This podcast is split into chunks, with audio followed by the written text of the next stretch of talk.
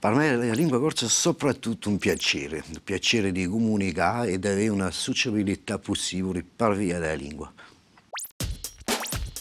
Quando è che voi avete imparato a fare la corsa?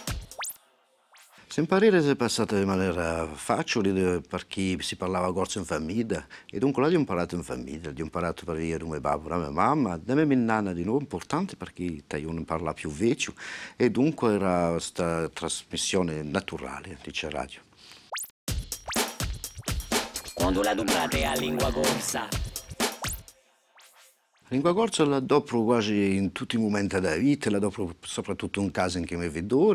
la dopo con mia mamma, la dopo essendo professore di corso perché c'è di nostro affare, la gente vi parla in corso, posto che dei anni che voi sapete parlare, e per via so più o meno corsofono quasi più la metà del mio tempo, dice la la fare così. Chi rappresenta per voi la lingua corsa? La lingua corsa per me rappresenta dunque il piacere, ma nel senso che prima è un piacere a parlare, un piacere a sentire e poi soprattutto io parlo sempre io di una specie di sociabilità per via del corso. Non si, si ride mica della stessa maniera, per esempio, per via della lingua e c'è, dice Radio, un piacere intimo ad essa in un stesso, una stessa ambito che l'altra quando noi parliamo.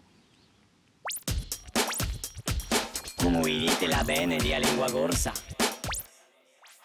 La della lingua corsa io sento un poco, prima diceva che io hai da pignata, si sa un cucchiarono e basta, e non essendo un cucchiarono è difficile per me per intesa di privata, ma infine so che quando scrivo in corso per esempio è un, di una maniera di essere un filo che mi piace, che se la lingua si innamora può essere paradossalmente un aiuto per chi tu scrivi, perché si lotta tanto contro la memoria in una certa maniera. E dunque c'è questo peso un po' filosofico, dice Radio, ma eh, ecco, l'avvento, essendo ciò che deve dire in prigulo, su prigulo è un aiuto, o può essere un aiuto.